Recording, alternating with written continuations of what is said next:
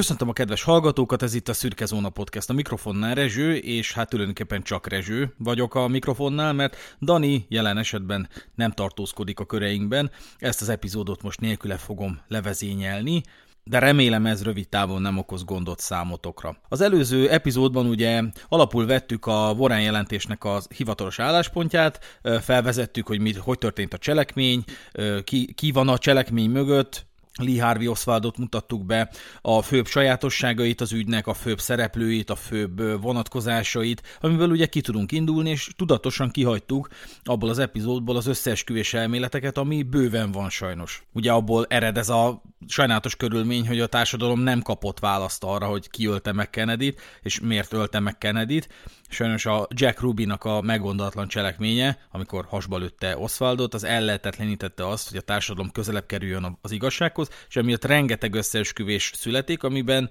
hát az a helyzet, hogy szinte minden egyes verzióban megvan az igazság magva, csak mondjuk ez az ügy jellemzi leginkább azt az emberi hozzáállást, emberi reakciót, hogy ha van egy rahedli információnk, és fogunk egy szenáriót, és rá akarjuk húzni erre az információra, akkor addig-addig tudjuk az összefüggéseket keresni, amíg össze nem áll valami, amit adott esetben teljesen alapvetésnek lehet tekinteni. Ilyen például az, hogy a maffia végezte ki Kennedy-t, mert ugye Kennedy az katolikus volt, ahogy az olasz maffia is, tehát az olaszok is tipikusan ugye katolikusok. Bizonyos értelmezés szerint a, a, az olasz maffiának a támogatásával ö, jutott hozzá az elnöki pozícióhoz, és amikor ö, hivatalba lépett, akkor első intézkedéseik között volt az, hogy hadat üzent a, a szervezet bűnözésnek, és hát ezt egy bizonyos elmélet szerint meg akarták torolni.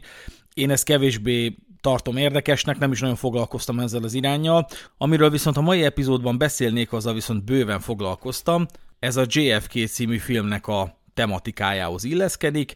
Gyakorlatilag az egyetlen büntetőeljárás, ami lezajlott a Kennedy merénylettel összefüggésben, tudva levő, hogy hát Oswald nem lehetett büntetőeljárás alanya, mert hiszen meghalt. Az egyetlen vizsgálat, ami a 60-as években lefuthatott ezzel összefüggésben, az a Warren bizottságnak a vizsgálata volt, és hát az ugye szinte már abban az évben is kimerítő kritika tárgya volt. Rendkívül felületes volt a Warren bizottság, kevés volt a létszáma azoknak a, a munkatársaknak, akik konkrétan a, a jelentés kidolgozásával foglalkoztak, meg a, a, az, az interjúk, a, a vallomásoknak a, a, a feldolgozásával, és nagyon sok volt a felesleges információ. Volt például egy jelentéshalmaz, ami mintegy, nem tudom, 1200 oldalon keresztül taglalta azt, hogy bizonyos szemtanúk mit álmodtak később ezzel az ügyjel. Tehát rengeteg ilyen sallangja volt annak az anyagmennyiségnek, amiből a Warren Bizottság dolgozhatott, de egyéb oka is lehetnek, hogy a Warren Bizottság felületesen dolgozott, például, hogy a JBL, tehát a Lyndon, bocsánat, LBJ, Lyndon B. Johnson, a Kennedy-t követő elnök, aki Kennedy alelnöke volt, és egyébként ő messze menőkig megvetette a Kennedy-t, hogy azt sürgette ezt a dolgot, hogy zárjuk le, most már én akarok lenni az elnök. Ő egyébként egy ilyen címzetes barom volt. Legendák szóltak arról, hogy úgy sétálgatott a Fehérház udvarán, miközben 10-15 újságíró kísérte, és éppen nekik beszélt az intézkedésekről, hogy egyszer csak gondolt egyet, meglátott egy fát, oda ment, és szépen kiürítette a húgyhójagját, miközben beszélt az újságírókhoz, akik tőle 5 méterre, hát figyeltek és jegyzeteltek. Tehát egy, egy ilyen közönséges faszi volt a, a Johnson elnök. De térjünk is vissza a lényegi részre, ugye a JFK című film. Én ezt relatíve későn néztem meg, mint egy két-három évvel ezelőtt kerítettem arra sort, hogy én ténylegesen megnézem ezt a filmet. Nem tudom egyébként, hogy miért nem hoztam még meg ezt a döntést. Aki kihagyta, az azt tudom mondani, hogy az egy rendkívül jó helyzetben van, mert, mert láthat egy olyan nagyszerű filmet, amit még nem látott. Én irigylem ezt, a, ezt az állapotot, bárcsak újra nézhetném ezt a filmet mert hát azt hiszem három óra, ez biztos, hogy rendkívül hosszú, és rendkívül alapos. Bővelkedik ugyan a spekulációkban, de talán ezt egy filmnek elnézhetjük, hogyha azt kellő alázattal és kellő mértékletességgel mutatja be. Egy biztos, ez a film, az Oliver Stone-nak a filmje, a legalaposabb film, ami a témában készült. Kb. a 80%-ban arról szól, hogy összegyűjti és bemutatja az ügyel kapcsolatos tudnivalókat, és azokat értelmezhető struktúrában rendezi. Ugyanakkor van tényleg egy ilyen 20%-os ilyen spekulációs része, amit hát fenntartásokkal kell kezelni. Én erre ki fogok térni most ebben az epizódban. Érdekessége még ennek a filmnek, hogy ez ihlette meg dr. Ibolya Tibor legfőbb ügyész helyettest arra, hogy ügyész legyen, legalábbis annak én a blogjában ezt írta, én ugye azért olvastam, mert nekem a konzulensem volt a jogi egyetemen, és tisztán emlékszem erre a sorra, és hogyha megnézitek a filmet, és összevetitek a Kevin Costnernek az alakítását az Ibolya Tibornak a nyilvános szerepléseivel, akkor igen, láttok, láthatok némi azonosságot, hogy az Ibolya Tibornak nagyjából ez volt az elképzelése az ügyészkedésről, hogy ez az ilyen határozottság, nem egy ilyen kemény kötésűség, hanem kicsit ilyen rugalmasabban, közvetlenebbül nyilatkozik akár folyamatban lévő büntetőügyekről is. Ez szerintem teljesen megmutatkozik ez a, ez a példakép az Ibolya Tibornak a nyilvános szerepléseiben. Ugye Kevin Costner a Jim Garrison nevű ügyészt, legfőbb ügyészt alakítja, a Louisiana, a Louisiana államnak az egyik ügyészét, és ugye, mint mondtam, ő volt az egyetlen olyan szereplő, aki a válthatóságot képviselte, és büntetőeljárást indított a Kennedy merénylettel összefüggésben. Ennek az dolognak is megvan bőven a kritikusa és a kritikája. Tehát a Garrison-t azt rendszeresen kritizálták, hogy ezt az egész ügyet arra használta fel, hogy magának kampányt csináljon az újraválasztásához. Mert tudva levő, hogy az Egyesült Államokban az ügyészek azok nem ugyanolyan módon jelöltetnek ki, mint Magyarországon. Magyarországon ugye megbízzák az ügyészeket, az Egyesült Államokban viszont választják közvetlenül az állampolgárok. Ilyetén formán inkább Magyarországra jellemző ebben az összevetésben az, hogy az ügyészek jogászok, az Egyesült Államokban nem kell feltétlenül jogásznak lenni az ügyvédnek, leginkább politikus bocsánat, az ügyésznek, leginkább politikus az ügyész az Egyesült Államokban. És emiatt lehetett súlyos kritikája Jim Garrisonnak, hogy ezt a büntető eljárást, amit most ki fogok vesészni, ezt valójában kampányeszköznek használja, hogy rajta legyen a médiafigyelem, az emberek azt érezzék, hogy hú, végre valaki csinál valamit a Kennedy merénylettel összefüggésben, és később születtek olyan könyvek is, amelyek kifejezetten kritizálták a Garrisonnak a, a vizsgálódásának az irányát, az egész vádemelésének a procedúráját, meg ugye a mögöttes szándékot. Ez egy nagyon komplex sztori, és arra vállalkozok, hogy ezt érthetően elmagyarázzam nektek. Ez a történet, erről egy könyv is született, máig egyébként én antikváriumban megszerezhető, én ilyen formán jutottam hozzá, ez a Gyilkosok nyomában című relatíve rövid, de annál kevésbé letehető könyv, Jim Garrison, Garrison írta, és ennek a büntetőjárásnak a, a teljes történetét elmeséli benne. És mondom, a, a JFK az ez alapján készült, meg a Jim Marshnak a könyve alapján, a The Plot That Killed Kennedy című könyve alapján, illetőleg az Oliver Stone saját forrásokat is bevet. Hogyha láttátok a filmet, van benne a Donald Sutherlandnek a karaktere, ezt Mr. X-nek nevezik, és ugye ez az a karakter, akivel találkozik ilyen titkos körülmények között a Kevin Costner Washingtonban, és ilyen balonkabálban meg kalapban elmeséli neki, hogy hát gyakorlatilag egy, egy CIA összeesküvés a Kennedy merénylet, mert hiszen minden intézkedés, amit a Kennedy csinált, azzal rosszabb és rosszabb helyzetbe hozta a CIA-t, ami addig a fekete akciók, a Black Operations, vagy a Black Ops-oknak a kizárólagos letéteményese volt. A CIA kvázi egy személyként, egy szervezetként döntött ezekről a külföldi, titkos, fekete akciókról, amik lehetnek akár államcsínyek, hatalmon lévő országvezetőknek az elmozdítása, bábállamok létrehozása, merényletek és hasonlók. Az egyik leg undorítóbb része, amire sajnos feljegyzések vannak, hát ilyen memorandumok, és ténylegesen jellemezte a CIA-t, hogy ilyen hamis akciók.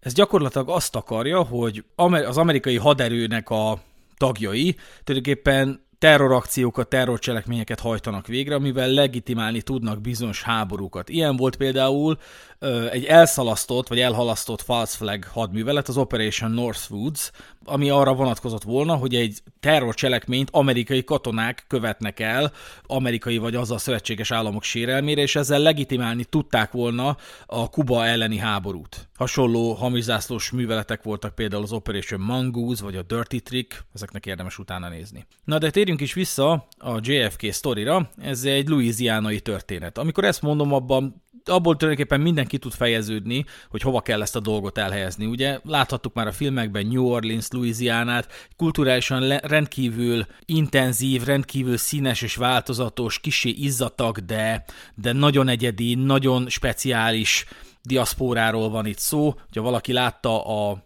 az Angyal Szív című 1987-es filmet, abból ez rendkívül ki tud fejeződni, hogy mit akar ez a louisianai, louisianai kultúra. És ebben a közegben zajlott le a 60-as évek második felében ez a Jim Garrison által indított nyomozás, majd vádemelés és később büntetőeljárás. Az egész cselekménynek a gyökere az, hogy 1963. november 22-én délután, tehát azon a napon, amikor John F. Kennedy-t meggyilkolták, egy Guy Bannister nevű New Orleans-i magánnyomozó és egyik alkalmazottja Jack Martin együtt italozott egy helyi bárban.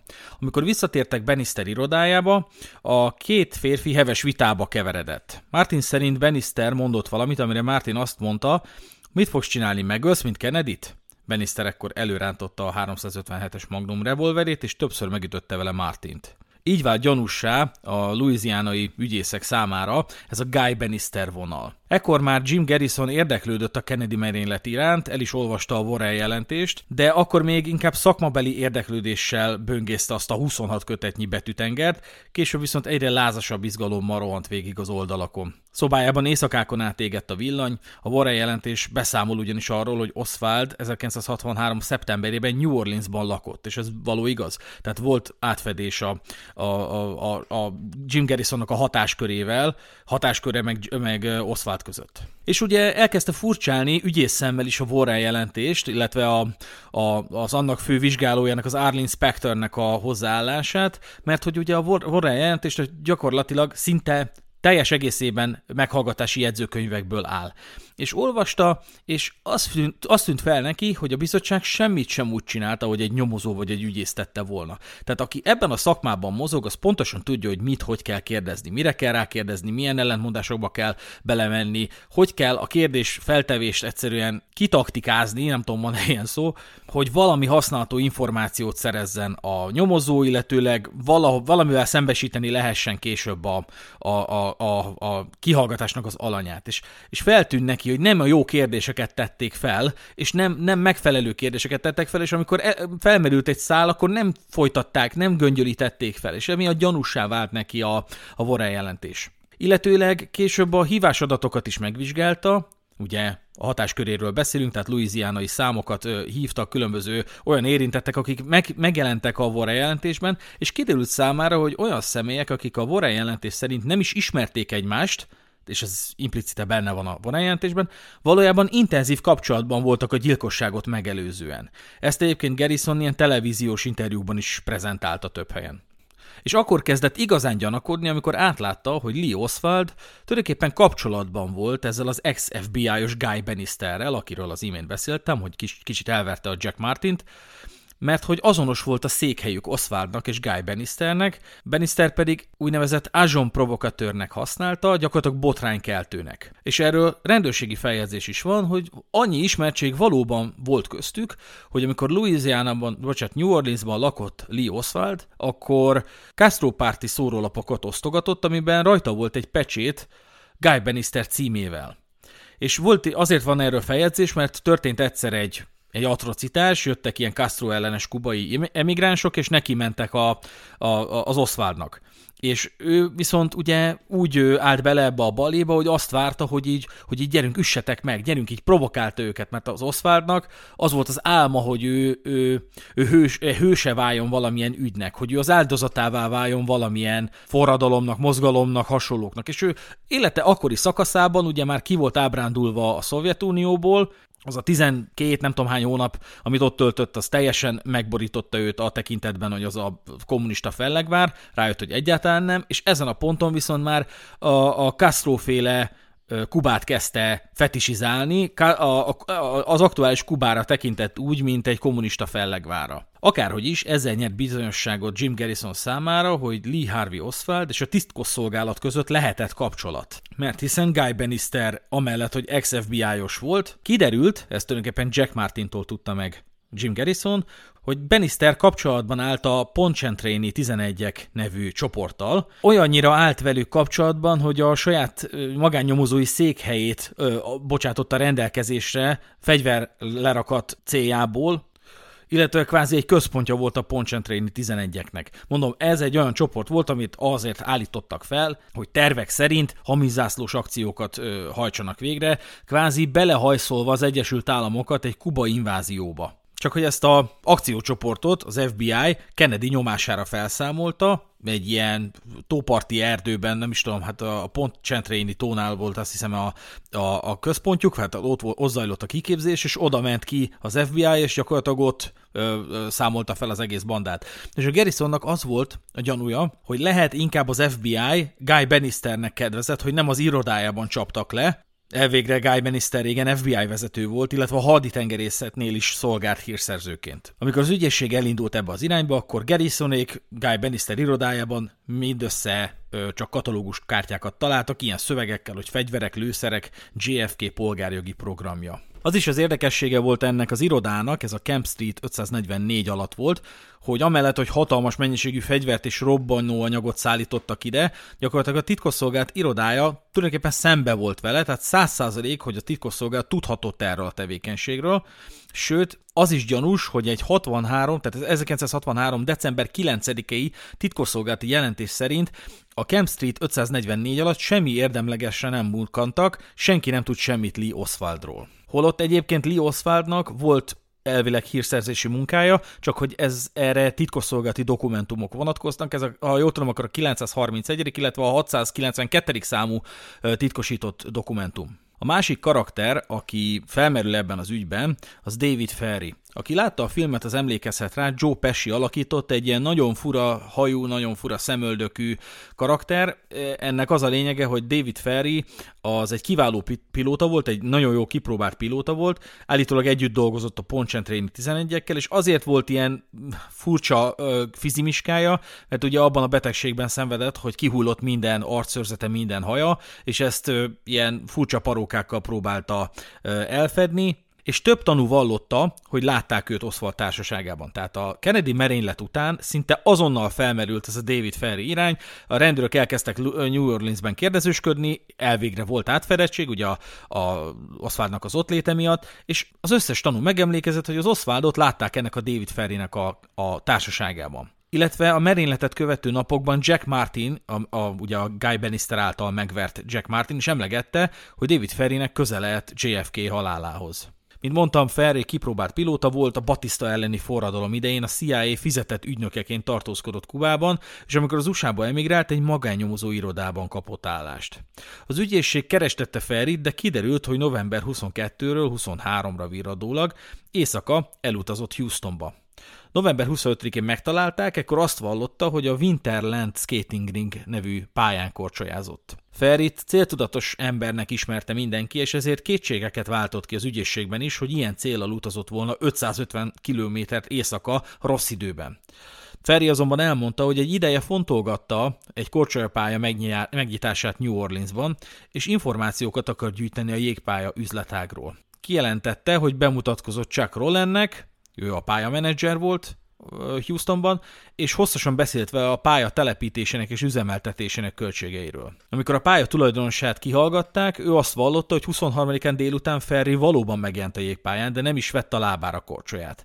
Szemtanúk szerint el sem mozdult a telefon mellől, hívásra várt és maga is telefonált. Három óra múlva elutazott Houstonból Galvestonba, ez kb. 75 kilométernyire van Houstontól, és a 23. éjszakát a város egyik moteljában töltötte. Ez ugyan merénylet másnapja volt. Ferry vallomása a Houstoni útról csak megerősítette az ügyészség gyanúját. Azonnal letartóztatták és átadták az FBI helyi szervének, viszont Jack Martin, aki azelőtt tanúsította a Ferry részvételét a gyilkosságban, visszavonta a vallomását. Emiatt az FBI Ferrit szabadlábra helyezte, és a kihallgatás 30 oldalas jegyzőkönyvét a titkos dokumentumok közé sorolták ez a fordulat szinte az elején van egyébként a JFK című filmnek, és csak ebből gyökerezik az az egyébként szerintem forgatókönyves szempontjából kifogástalanul bemutatott folyamat, hogy hát a Jim Garrison nem hagyja ez az egész dolog nyugodni, és elkezdi tovább vizsgálni a dolgot, és hát elkezdik behozni az ilyen ö, gyanúsabb információkat, előszedik a nyomozati anyagot, a Warren bizottsággal összehasonlítják, és ö,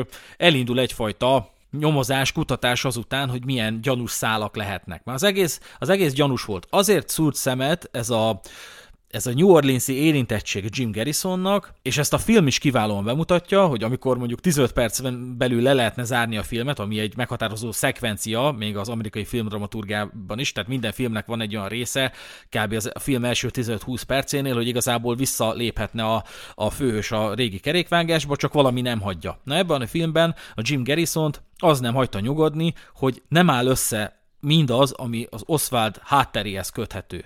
Ugye gyanús volt az, hogy a, például az Oswald ugye kiment a Szovjetunióba, szó szerint diszidált, lemondott az amerikai útleveléről, diszidált a Szovjetunióba, feltett szándéka volt, amit vállalt is a követségeken, hogy ő katonai információt szándékozik vinni a Szovjetuniónak, nem állították meg, mint kiderült nem volt hasznos az információ, amit tőle szereztek, mert már tudok, tudott róla a KGB, elvégre, mint az előző epizódban is mondtunk, meg annyi beépítetje volt a, az Egyesült Államokban. Majd amikor úgy dönt, hogy visszajön az Egyesült Államokba, akkor minden fennakadás nélkül átmegy minden rostán, és amikor tovább akar vándorolni egy kis idővel később, ugye van egy pont, amikor el, elmegy Mexico Citybe, és onnan akar átmenni a Kubába, akkor ott kezdeményezi, hogy visszakapassa az amerikai útlevelét, és mint egy 24 óra alatt elintézik neki. Ugye az is gyanús volt, amit megint csak az előző epizódban mondtam, hogy ezután jó munkáját közvetítettek neki, ahhoz képest, hogy diszidált és katonai információkat szivárogtatott az ellenérdekű félnek,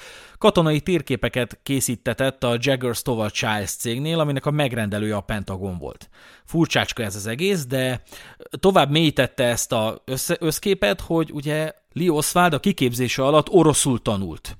Csak hogy ezt senki nem várta volna el tőle, ráadásul légvédelmi tüzér volt, ahol pláne nem volt fontos az orosz nyelv, orosz nyelv ismerete.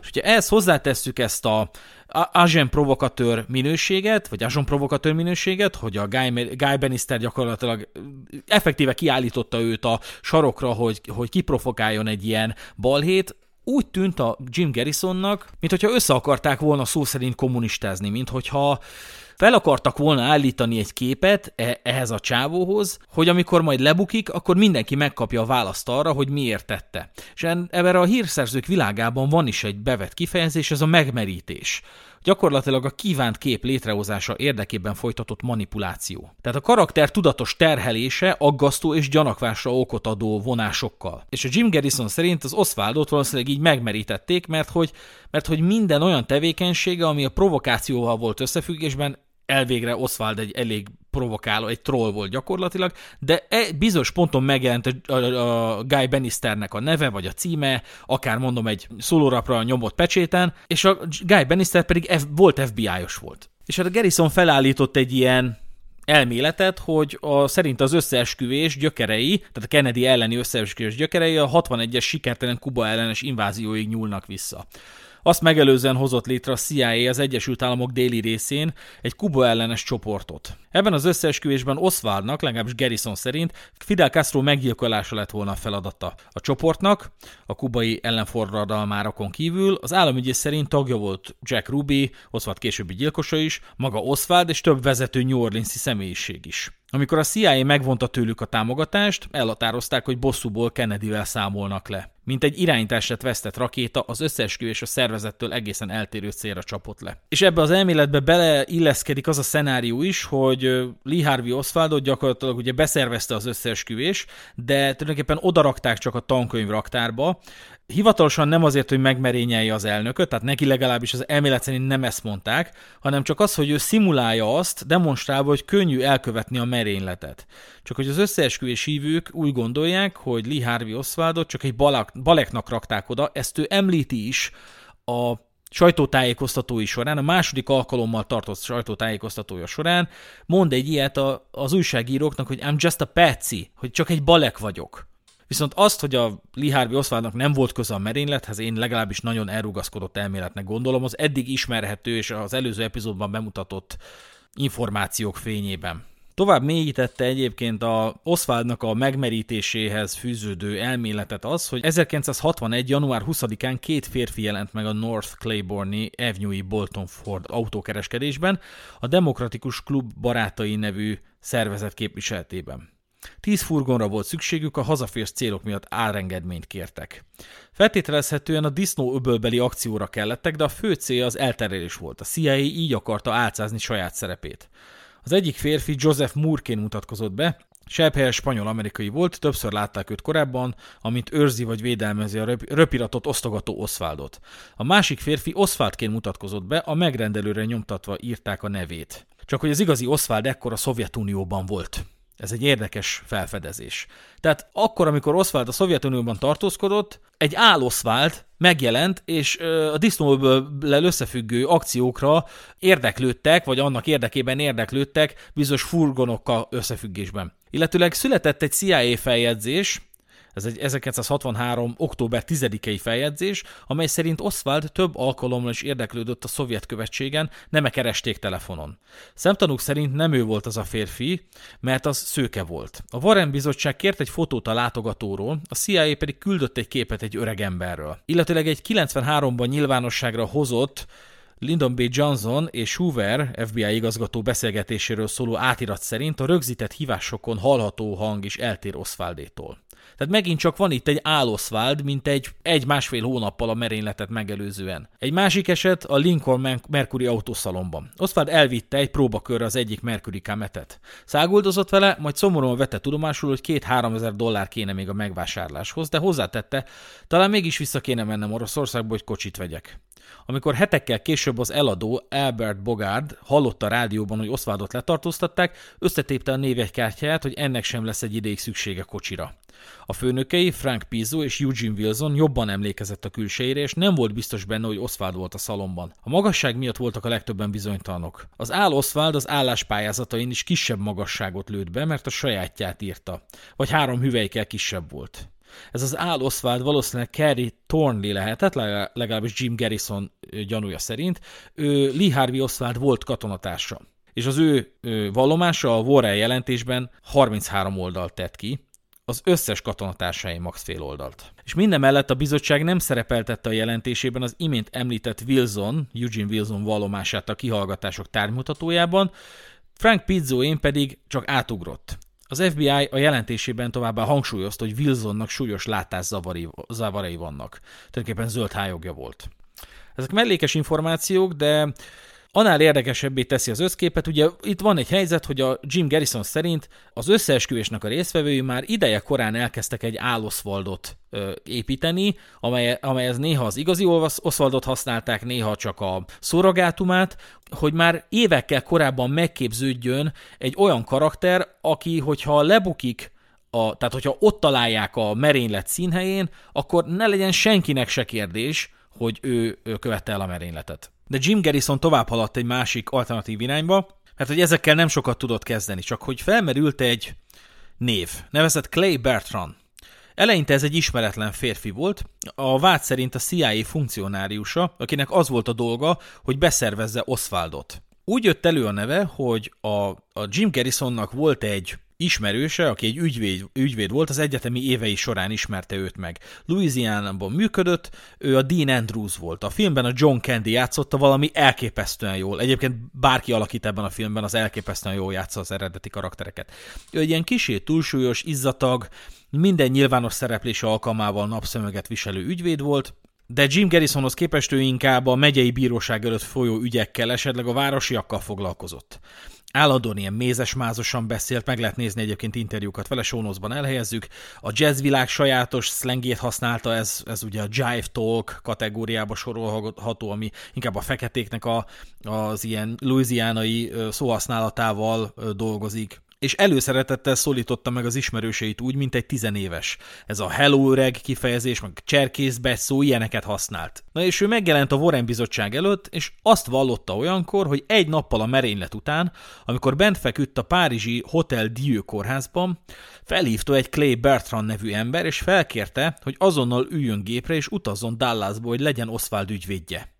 Ugye ez már önmagában egy eléggé gyanús körülmény, hogy ki, ki, ki ez a Clay Bertrand, ki ez, aki felkéri ezt az ügyvédet, aki szinte egy köpésre van Jim Garrisontól, hogy legyen a Kennedy merénylőjének az ügyvédje.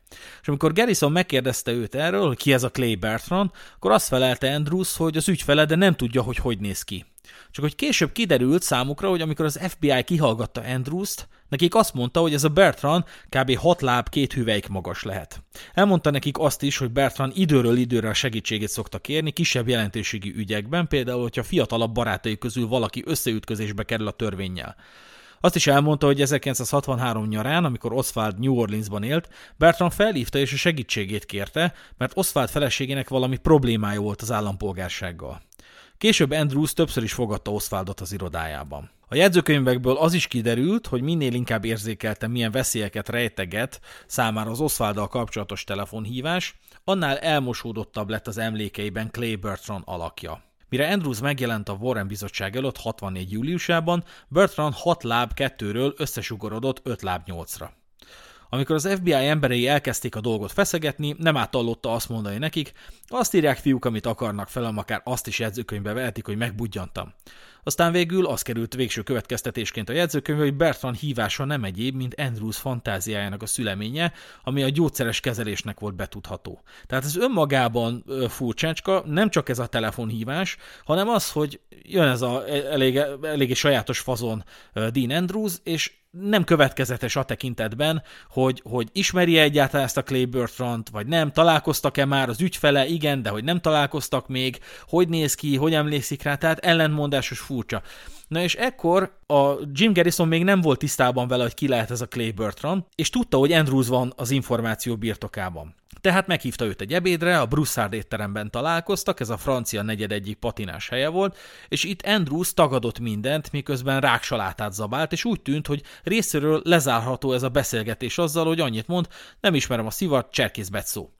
Ekkor azonban Garrison közölte vele, hogy be fogja idéztetni az esküdszék elé, és ha ott is hazudik, mint most, akkor vádat emel ellene hamis tanúzásért. Na és hát Garrison visszaemlékezései alapján ekkor Andrews komolyra váltotta a szót, és közölte vele, ha válaszolok a kérdéseidre, ha megmondom, ki van a név mögött, akkor ez azt jelenti, viszlát Dean Andrews. Vagy ha tetszik, bonvoyás Dino. De végleg. Vagyis egy golyócska a fejbe, így pedig nem igazán lehet ügyvédeskedni, nem igaz? Érted már mi a problémám? Később már az is kicsúszott a száján, van fogalmad, mibe mászol bele, haver? Meg akarod netán táncoltatni az egész kormányt? Tényleg ezt akarod? Ahogy gondolod, öreg, de én nem fogok ráfaragni, én mondom neked, nem én. És idővel Jim Garrison és ügyésztársai rájöttek, hogy ez a Clay Bertrand, akiről szó van, ez valójában Clay Shaw, egy dúsgazdag New Orleans-i üzletember volt. Őt egyébként a Tommy Lee Jones játszotta megint csak fenomenálisan, egy ilyen magas, kissé kreolbőrű, ezüsthajú, vállalaton homoszexuális társasági ember, a francia negyed felújításának az úttörője, és az International Trademark alapítója és igazgatója. Ez egy non-profit szervezet volt, ami a New Orleans-i külföldi kereskedelem fellendülésében érdekelt vállalkozásokat tömörítette magában. Tehát a nyomozást ennek a Clay Show szálnak a, a, az irányába kellett folytatni. Tehát van egy emberünk, akiről már tudjuk, hogy kicsoda, akiről tanúvallomás van, hogy a Kennedy merénylet másnapján felhívott egy louisianai ügyészt, hogy azonnal utazzon Dallasba, hogy lássa el a Lee Harvey Oswaldnak a képviseletét. És ekkor merül föl egy Perry Russo nevű tanúnak a neve. Ez egy 25 éves fiatalember volt, a vallomása tulajdonképpen világszenzációvá vált. Csak később a tárgyalóteremben mondta el, hogy 63. szeptemberében részt vett egy megbeszélésen, amelyen kidolgozták Kennedy meggyilkolásának tervét. Klésó fényűző palotájában egy nagyszabású esté után az éjszakai órákban került sor az összeesküvők kupak tanácsára. Itt többen is jelen voltak, nem csak a házigazda Clay Shaw, hanem a ö, korábban ismertetett pilóta múltal rendelkező David Ferry is, illetőleg egy Leon Oswald nevezetű férfi is jelen volt, akire Garrison arra gondolt, hogy ő Lee Oswald kétségtelenül. És ebben az 1963. szeptemberi buliban a tanú szerint Clay Bertrand és David Ferry az elnök, elnök merényletéről beszéltek. Ekkor nevezték meg a három oldali keresztüzet, mint potenciális kivitelezési módot. Azt is megbeszélték, ki hol lesz a gyilkosság idején, mert fontos, hogy akkor a nyilvánosság előtt legyenek. Ferry Hammondba akart menni, Bertrand pedig azt mondta, addigra úton lesz a nyugati partra. Így is volt, tehát van egy tanúvallomás, amely szerint 63. szeptemberében két prominens karakter megbeszéli, hogy hogy kellene megmerényelni az Egyesült Államok elnökét, meg hogy ki hol lesz akkoriban, amikor ez végrehajtásra kerül, és mint egy két hónappal később, amikor meg is történik a merénylet, amelynek egyébként a sajátosságai sokak számára rendkívül emlékeztetnek a három oldali keresztűzre. Ugye valaki úgy gondolja, hogy a füves dombról is leadtak lövéseket, máig tisztázatlan van olyan tanúvallomás, ami erre utal. A Kennedy testének a rándulásából is az derül ki, hogy elő, előről adták le a lövést, igazából sokak számára, számomra nem feltétlenül, de az való igaz, hogy Ferry valóban már visszafele volt Louisianába, amikor megszállt a Louisiana Egyetemen, Shaw pedig tényleg úton volt a nyugati partra a merénylet idején. Ez a buli, ez az esté, amiről az imént beszéltem, ez úgy alakult, hogy Perry Russo, akit egyébként a többek közt, hogy hogy fogalmazzak, a, a Kevin Bacon alakít a filmben, de a Kevin Bacon legalább három tanút foglal magába, vagy három tanút alakít ebben a, ebben a dologban, de az egyik ilyen tanú volt Perry Russo, aki hát a barátnőjével, ezzel a Sandra Moffettel ö, ismerkedett meg a, a David Ferrivel, akit a felnőtt világ a kinézete miatt kiközösített, de Russzóban egy intelligens beszélgető partnerre talált és emiatt lehetett az, hogy a, ezen az estéjen, amikor felmerült a Kennedy merényletnek a kivitelezése, ugye a Perry Russo tanúvallomása szerint, akkor a Perry Russo megtűrte ez a belső kör a köreiben, mert hogy David Ferry az, az számára szimpatikus volt, és emiatt nem akadékoskodott senki. Amikor David Ferry bemutatta Perry Russo-t Clay Shaw-nak, akkor e- Perry Russo emlékezett, hogy Clay Bertrandként mutatta őt be, és emlékezett, hogy egyszer már látta őt egy avatási ceremónián, ahol ott volt az elnök is. Az maradt meg benne, hogy Shaw ezen alkalommal a tömeget pásztázta, az alig nézett az elnökre. Akkor azt hitte, hogy a titkosszolgálat ügynöke lehet. Emlékezett, hogy ugye ezen a partin bemutattak neki egy Leon Oswald nevű embert, de őt később már nem tudta uh, Lee Harvey Oswaldként azonosítani. Amikor többen távoztak, csak ők néhányan maradtak, és a beszélgetés Fidel Castro meggyilkolásáról szólt. A jelenlévők egyike sem becsülte sokra Castro-t, sem Kennedy-t. Szóba jött a Kennedy adminisztráció által életbe léptetett fegyverembargó is, a jelenlévők pedig úgy gondolták, hogy ehhez hasonló embargó vár a Castro ellenes országok, de még a gerilla csoportok számára is. Bertrand volt az egyetlen, aki akadékoskodott, kétkedett, hogy nem lehet Fidel közelébe kerülni. Ferry hozott egy Kuba térképet, és potenciális partraszállási pontokat kezdett mutogatni. Beszélt az árapályról, illetve a Havannába vezető útvonalakról. Aztán Ferry arról kezdett beszélni, hogy még ha lehetetlen is megközelíteni Castrót, ez nem jelenti azt, hogy nem kerülhetnek Kennedy közelébe. Az azt megelőző hónapokban tudva levő, hogy Ferry megszállottja lett a Kennedy témának, újságcikkeket kezdett magával hordani, és állandóan tematizálta Kennedy-t. Ezen a partin pedig fel járkált, és emlegette, hogy elkaphatnák Kennedy-t, és rákenhetnék Castróra. Annyi kell hozzá, hogy a nyílt színen kell elkapni, mondta. Annyira izgatottá vált ekkor a Pajzsmiri túltengése miatt is, hogy feltűnt a Peri Russzónak, és ez meg is maradt, hogy szinte rászkódott a csávó annyira, annyira beleélte magát ebbe a témába, és ekkor fogalmazta meg, hogy három pontról zúdított keresztűz lenne a legjobb megoldás, és mint megfogalmazta, it won't be long, hogy már nem, fog, nem, nem kell már sokat várni rá, hogy nem, nem tartana olyan sokáig, valami ilyesmit jelent ez. És hát, hogyha a Jim Garrison féle elmélethez igazodunk, akkor való igaz, összeáll a dolog, mert hogy egy lövést adtak le szerintük legalábbis a dombocskáról, a füves dombról, és legalább két tüzelőállás volt még a mögötte lévő épületeken. Miközben a Ferryből szinte elektromos feszültség áradt, Bertrand nyugodtan ült és cigarettázott. Ettől függetlenül ő maradt a központi szereplő. Aztán azt mondta, igen fontos, hogy a nyilvánosság szem előtt legyünk, amikor az akció megvalósul. Ferry eldöntötte, hogy elmegy Louisianába, az egyetemre, kiderült, hogy tényleg elment Hemondba, mint mondtam, és Bertrand pedig azt felelte, ő valószínűleg úton lesz a nyugati part felé. És hát, mint tudjuk, ő is valóban elment. Tehát arról beszéltek, hol fognak tartózkodni a merénylet idején, és ez átfedésben volt a tényleges tartózkodásukkal. Csak hogy ugye ez a Perry Russo vallomás az önmagában nem feltétlenül volt hiteles. És ezt egyébként Jim Garrisonék is tudták, bár Jim Garrison azt tartja, hogy a Perry Russo vallomás nélkül is megállt volna a vád, de nagyon jól tudta, hogy az esküdt cégnek majd szüksége lesz egy ö, olyan emberre, aki a saját szavaival fogja elmondani azt a vallomást, ami megalapozza a vádat.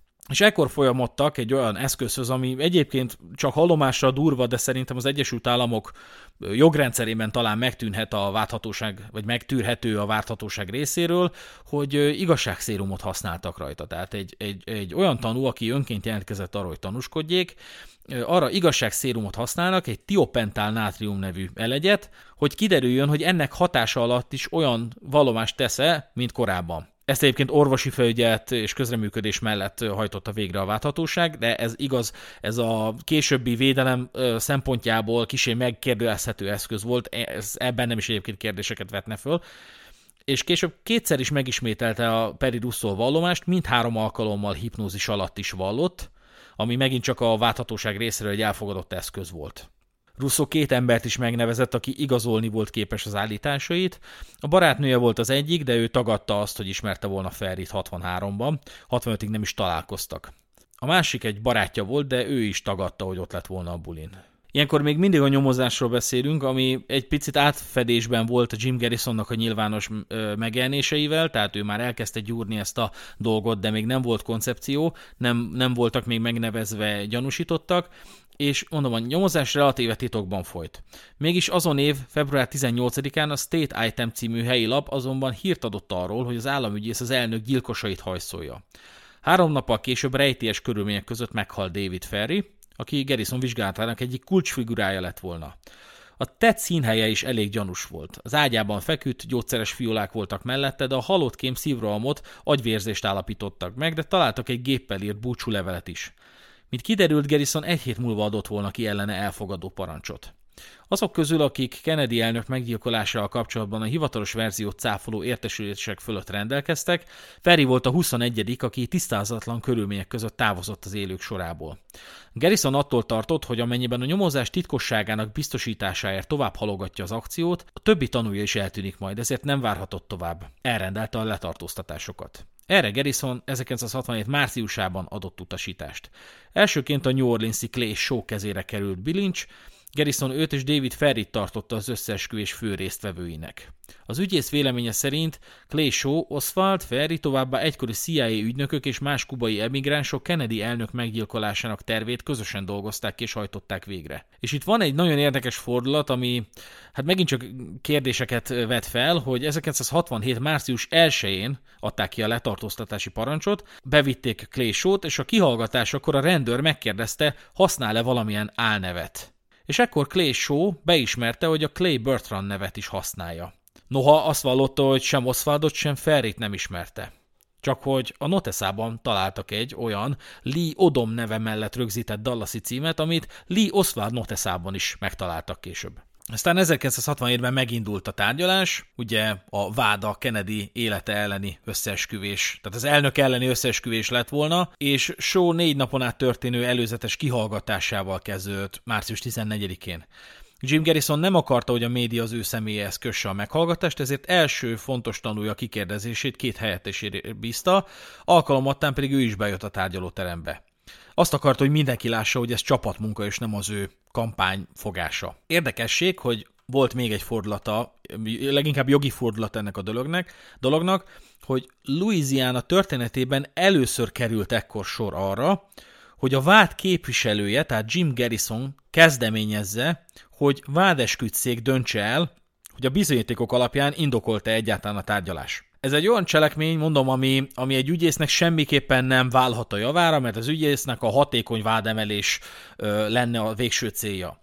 De van az Egyesült Államoknak a jogrendszerében egy ilyen fordulat, hogy akkor álljon fel egy vádeskütszék, kvázi ugyanolyan, mint egy normális eskütszék, akik döntenek arról, hogy bűnös vagy nem bűnös az illető, csak ezúttal ez a társaság, ez arról fog dönteni, hogy le, kellene vádat emelni, vagy sem. Tehát átadja, átadta ebben az ügyben az ügyész egy a, laikum, a laikus nyilvánosság számára a döntés jogkörét, hogy egyáltalán jól dönte a tekintetben, vagy jól dönthetne hogy vádat emel a Clay Show ellen, vagy sem. És a vádes küzdszék a vádemelés javára döntött. Érdekesség, hogy Peri Russo mikor értesült a nyomozásról, akkor azonnal levelet írt az ügyészségnek, amit nem kaptak meg.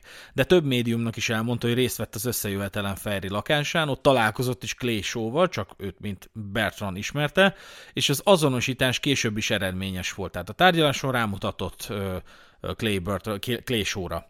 Ez volt ugyan az egyetlen közvetlen bizonyíték, ez a tanúvallomás, de Jim Garrison szerint nélküle is megállt volna a vád, csak hogy az esküdszéknek a tapasztalatai alapján szüksége lett volna egy szemtanú vallomására. Show ügyvédjei órákon át próbálták a keresztkérdéseikkel megkérdőjelezni Russo szavai helyetőségét, főként azt tematizálva, hogy az ügyészség valamilyen agymosást alkalmazott a tanún, de a városi halottkém elmagyarázta a bíróság előtt, hogy egyébként szabályos eljárásról volt szó.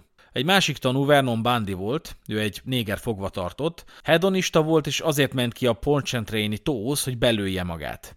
Miközben készítette elő magának az injekciót, megállt egy szedán, kiszállt belőle egy magas ezüsthajú férfi, aki, akit egy fiatal ember követett. Ugye az ezüsthajú magas férfi az leginkább a klésóra utal. Sétáltak pár métert, majd az előbbi átadott valamilyen csomagot a másiknak, ami leginkább egy kötek pénznek tűnt.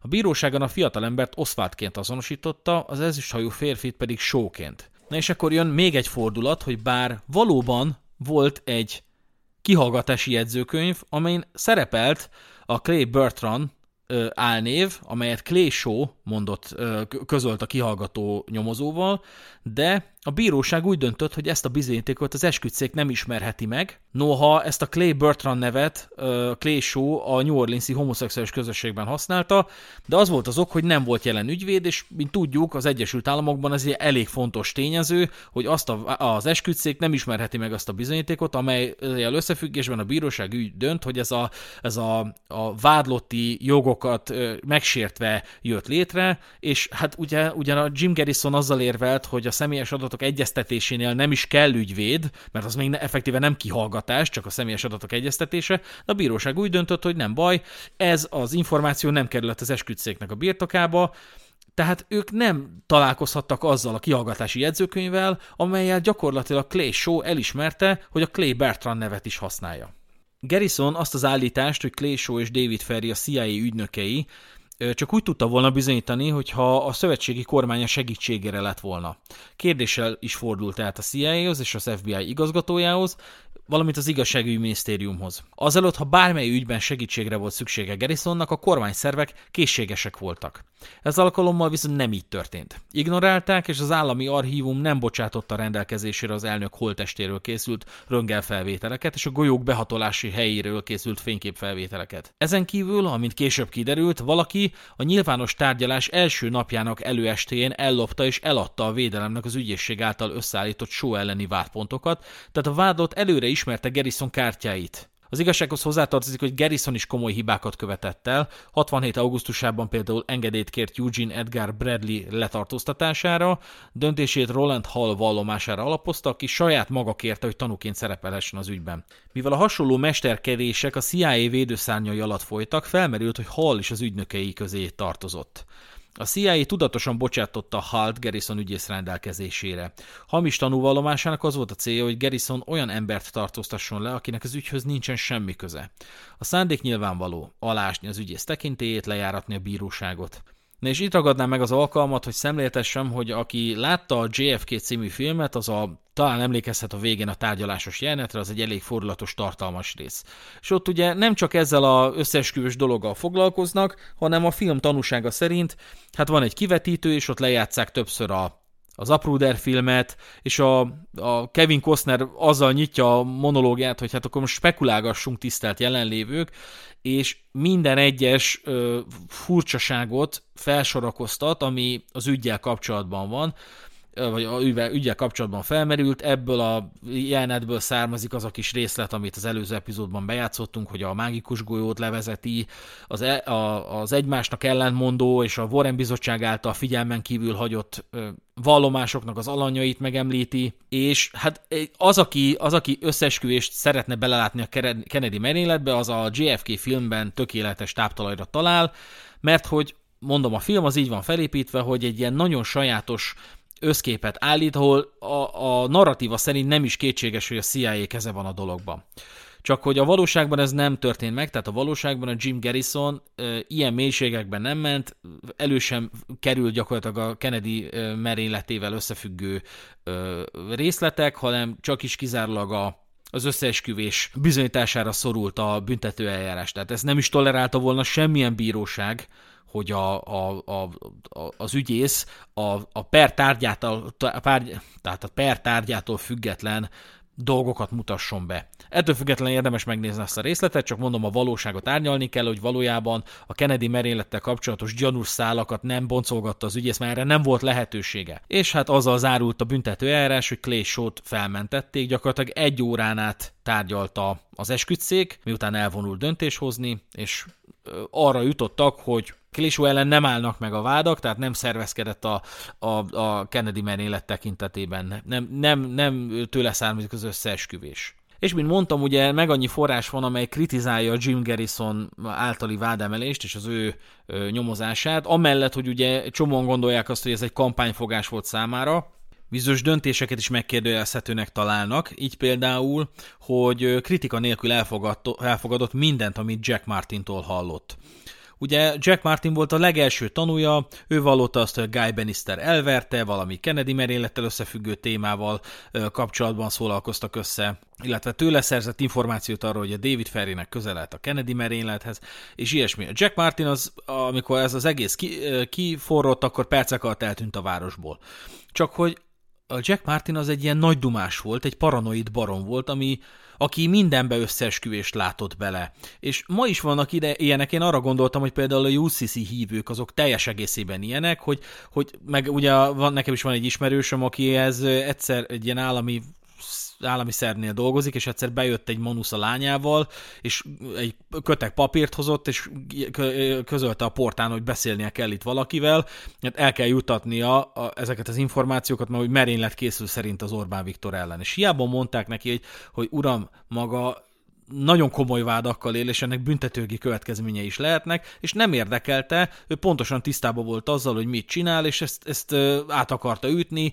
Erről egyébként az Intézményi Paranoia című epizódban beszéltem már korábban, azt érdemes meghallgatni. Tehát, hogy egy ilyen karakter volt a Jack Martin, hogy össze-vissza beszélt mindent. Akkor itt van egy másik sajátosság, hogy ugye David Ferrit és Lee Oswaldot többen látták egy helyen és uh, rengeteg összefüggés volt az egyes korábban említett karakterek vonatkozásában. De ez nem feltétlenül azt jelentette, hogy itt tényleges uh, együttműködés is van, hanem hogy Louisiana egy relatíve kis közösséget magába foglaló település, amely, a, amely közösségnek a tagjai rendkívül egyediek, rendkívül megegyezhetőek. És David Ferry is egy nagyon-nagyon megegyezhető karakter volt, és aki látta David Ferryt, az nagy esélye megjegyezte azt is, hogy éppen ki van vele. És nem kizárt, hogy David Ferry és Lee Oswald indiferens okokból találkoztak, de ez még nem ad okot arra, hogy, hogy azt gondolja akár egy ügyész, hogy hogy összeesküvés van kettejük között. Illetőleg egy újságíró megemlékezett arról, hogy amikor riportot készített Jim Garrisonnal, akkor már ilyen off-record, tehát a, a, egy olyan részlet, vagy amikor egy olyan részlethez értek, ami nem szerepelt volna a, a riportban, akkor a Jim Garrison elmondta neki, hogy mit gondol valójában erre az ügyről, és ott azt prezentálta, hogy szerinte a Kennedy merénylet az egy homoszexuálisok által elkövetett kégyilkosság lehetett, és az újságíró emlékezete szerint így el is kezdte sorolni a neveket, hogy, hogy David Ferry homoszexuális, Perry Russo homoszexuális, Clay Bertrand Clay Shaw homoszexuális. Tehát, hogy, hogy való igaz, hogy, hogy, hogy tényleg többnyire, és az a helyzet, hogy New Orleans az tényleg egy ilyen sztori, de többnyire tényleg homoszexuálisak voltak érintettek ebben az ügyben, és nem kizárt, hogy a, a Jim garrison ez a szál mozgatta, vagy ne, azt nem gondolom, vagy hát nem tudhatom, hogy, hogy homofób volt-e, vagy valami, de hogy egész egyszerűen lehet, hogy egy ilyen irányba akart elindulni, hogy, hogy bizonyítsa, hogy ez egy homoszexuális kétgyilkosság volt de a könyvében egyébként megemlékezik egy csomó olyan esetről, ami, ami, ami megint csak az ellene folyó összesküvésről szól, hogy bár ugye a pert elvesztette, de még abban az évben újra választották őt, és később aztán felhagyott a, az ügyészkedéssel, de, de később ő is büntetőjárás alanyává vált, mert kölcsönadott valami pénzt valami ismerősének, és amikor az az ismerőse mit egy évvel később visszaadott abból a kölcsönadott pénzből valamennyit, nem emlékszem a pontos részletekre, de azt a, a, az alapján a hivatalos szervek uzsorázást vagy valami ilyesmit véltek azonosítani, és hát büntetőeljárás indult a Jim Garrison ellen, illetőleg megemlékezett még egy különös esetre, ami kivágott jelenetként megtekinthető, a JFK filmben nem került bele, mert való, valóban rendkívül nevetséges lett volna, de, de nagyon érdekes a sztori. Arról van szó, hogy miközben zajlott a, a, a nyomozás, ugye ez a nyomozás ez nem feltétlenül csak állami pénzből zajlik. Ilyenkor egy ilyen volumenű nyomozásnál, ahol folyamatosan repülőre kell szállnia állandóan mindenféle ügyésznek és elutazni egyik helyről a másikra, hogy beszéljen emberekkel, meg meggyőzze ezeket az embereket, hogy ö, ö, vállalják, tanúskodjanak a, a, a bíróság előtt. E tekintetben ugye támogatókra is szükség van, és a Jim Garrison nyomozását illetően bőven akadtak támogatók, de voltak olyanok is, akik beszivárogtak a köreibe. Tehát több olyan ember volt, akire Jim Garrison gyanakodott, hogy, hogy valójában nem támogatni, hanem hátráltatni jött a nyomozást. És egy alkalommal az történt, hogy amikor Jim Garrison a Los Angeles-i repülőtérre megérkezett, akkor neki az volt a szokása, hogy amíg várta, hogy megkapja a csomagot, addig elment a férfi mosdóba, és ott töltötte el ezt az időt de nem, nem könnyített magán, hanem csak leült a lehajtott fedelű mosdóra, és olvasta az újságot. És közvetlen azután, hogy hallotta, hogy bejön valaki a mosdóba, és leül a mellette lévő fülkébe, valamiért úgy döntött, hogy septében távozik. Nem kellett felhúzni a nadrágját, ugye, hanem egész egyszerűen, egész egyszerűen csak felállt, és kiment a mosdóból. Ekkor arra lett figyelmes, hogy két rendőr egyszerre akarja kipasszírozni magát a WC ajtón, tehát vele együtt távozott, és egy rendőrökből álló gyűrűben találta magát. Tehát gyakorlatilag hallott valakit bejönni, ez furcsa volt számára, felpattant és kiment, Nyilván nem, nem kalkulált senki azzal, hogy ez valójában egy, egy, egy ellene szervezett összesküvés volt, nem kalkulált senki azzal, hogy ilyen gyorsan távozni fog, és arra megy ki, hogy két rendőr gyorsan sarkon fordul, és egyszerre próbálják kipasszírozni magukat a, a mosdónak az ajtaján, és belépnek egy rendőrökből álló gyűrűben. És megkérdezték, az egyik rendőr megkérdezte a Jim Garrison-t, hogy mennyi ideig volt bent. Ő pedig azt felelte, hogy senkinek semmi köze hozzá, majd elment mellettük és távozott. És a rendőrök elengedték. És később állt össze neki, hogy a szomszéd fülkébe az a férfi ült be, akit korábban képviselt, tudta róla, hogy homoszexuális, és hetekkel korábban hívta fel őt, hogy lenne kedve összefutni. Ő persze lerázta, de szerinte a rendőrség egy rajtaütést tervezett, a volt ügyfele pedig a vád javára tanúskodott volna arról, hogy szodómiát követtek el a WC-ben. Tehát ez volt szerinte legalábbis a koncepció, hogy, hogy gyakorlatilag összebuzizzák őt, elkapják a rendőrök, hogy mit, mit van, mit tevékenykedik maga abban azzal a homoszexuális ott a WC-ben, ő azt mondja, hogy semmi, semmi köze hozzá, meg nem, nem történt semmi, csak hogy mondjuk, hogyha elindul a nyomozás, akkor megtalálják a hívás adatok között annak a homoszexuálisnak a telefonszámát, és már is beigazolódik, hogy hoppá, van itt valami, valami törvénytelen, nem tudom mennyire volt törvénytelen akkoriban homoszexuális free lépni, de erre úgy tekintett a Jim Garrison, hogy szerinte ez a hiteltelenítésére, karaktergyilkolására és ellehetetlenítésére irányuló kísérlet volt. Illetőleg a Stone, Oliver Stone filmjéről is érdemes még pár szót ejteni, ugye, mint mondtam, egy rendkívül radikális állításokat felsorokoztató ö, filmalkodás, e, e, ettől független szerintem szenzációs, de valóban fenntartásokkal kell kezelni, tehát én pár évvel ezelőtt ránéztem a Wikipédiára, hogy, hogy mit írnak a Kennedy merényletről, és a magyar Wikipédián néztem meg, és ugye ott volt egy, egy felsorolás, hogy némely elmélet szerint a maffia, némely elmélet szerint a mit micsoda, és akkor ott volt egy mondat, ahol semmilyen hivatkozás nem szerepelt, hogy azonban ma már köztudomású, hogy a CIA követte el a cselekményt, mint egy államcsint elkövetve. És hát ez ugye nem akkora evidencia, inkább mondom a Oliver Stone-nak a, a forrásaira vezethető vissza ez az állítás, mert hogy az Oliver Stone valóban együtt dolgozott egy Fletcher Protri nevű karakterrel, aki kvázi a legbelsőbb tanácsadója volt a JFK film elkészülte során, később azonban kiderült, hogy szélső jobboldali tevékenység miatt gyanúba került, Viszont Stone olyannyira bízott az informátorában, hogy még egy hozzá hasonló figurát is bevett a forgatókönyvébe, mint mondtam, ez volt Mr. X, akit Donald Sutherland játszott. És hogy ez a bizonyos Mr. X fedi fel a filmben Gennison előtt az összeesküvés állítólagos méreteit. A szakítás a tanácsadóval akkor következett be, amikor Stone rájött, hogy Prouty tudatosan tévinformációkkal látta el. Immár maga Oliver Stone is összeesküvés szövevényének áldozata lett. Ebből egy ilyen újságíró háború is kerekedett, a Washington Post című lap le is hozott egy olyan cikket, hogy Dallas csodaországban Oliver Stone Kennedy merénylet változata a paranoia határán játszódik, és ehhez illeszkedett egy karikatúra is, amin az, az látszik, hogy az Oliver Stone a Kennedy merénylet díszletét azt maga ízléséhez szabja, vagy hogy mondjam, és megindult egy ilyen nagyon radikális adok-kapok, ez a George Lardner újságíró és Harold Weisberg, az anyaggyűjtő részvételével zajlott, Weisberg a Kennedy gyilkosság kutatóinak nagy öregje juttatta hozzá Lardnert az összesen hat forgatókönyv tervezet egyikéhez.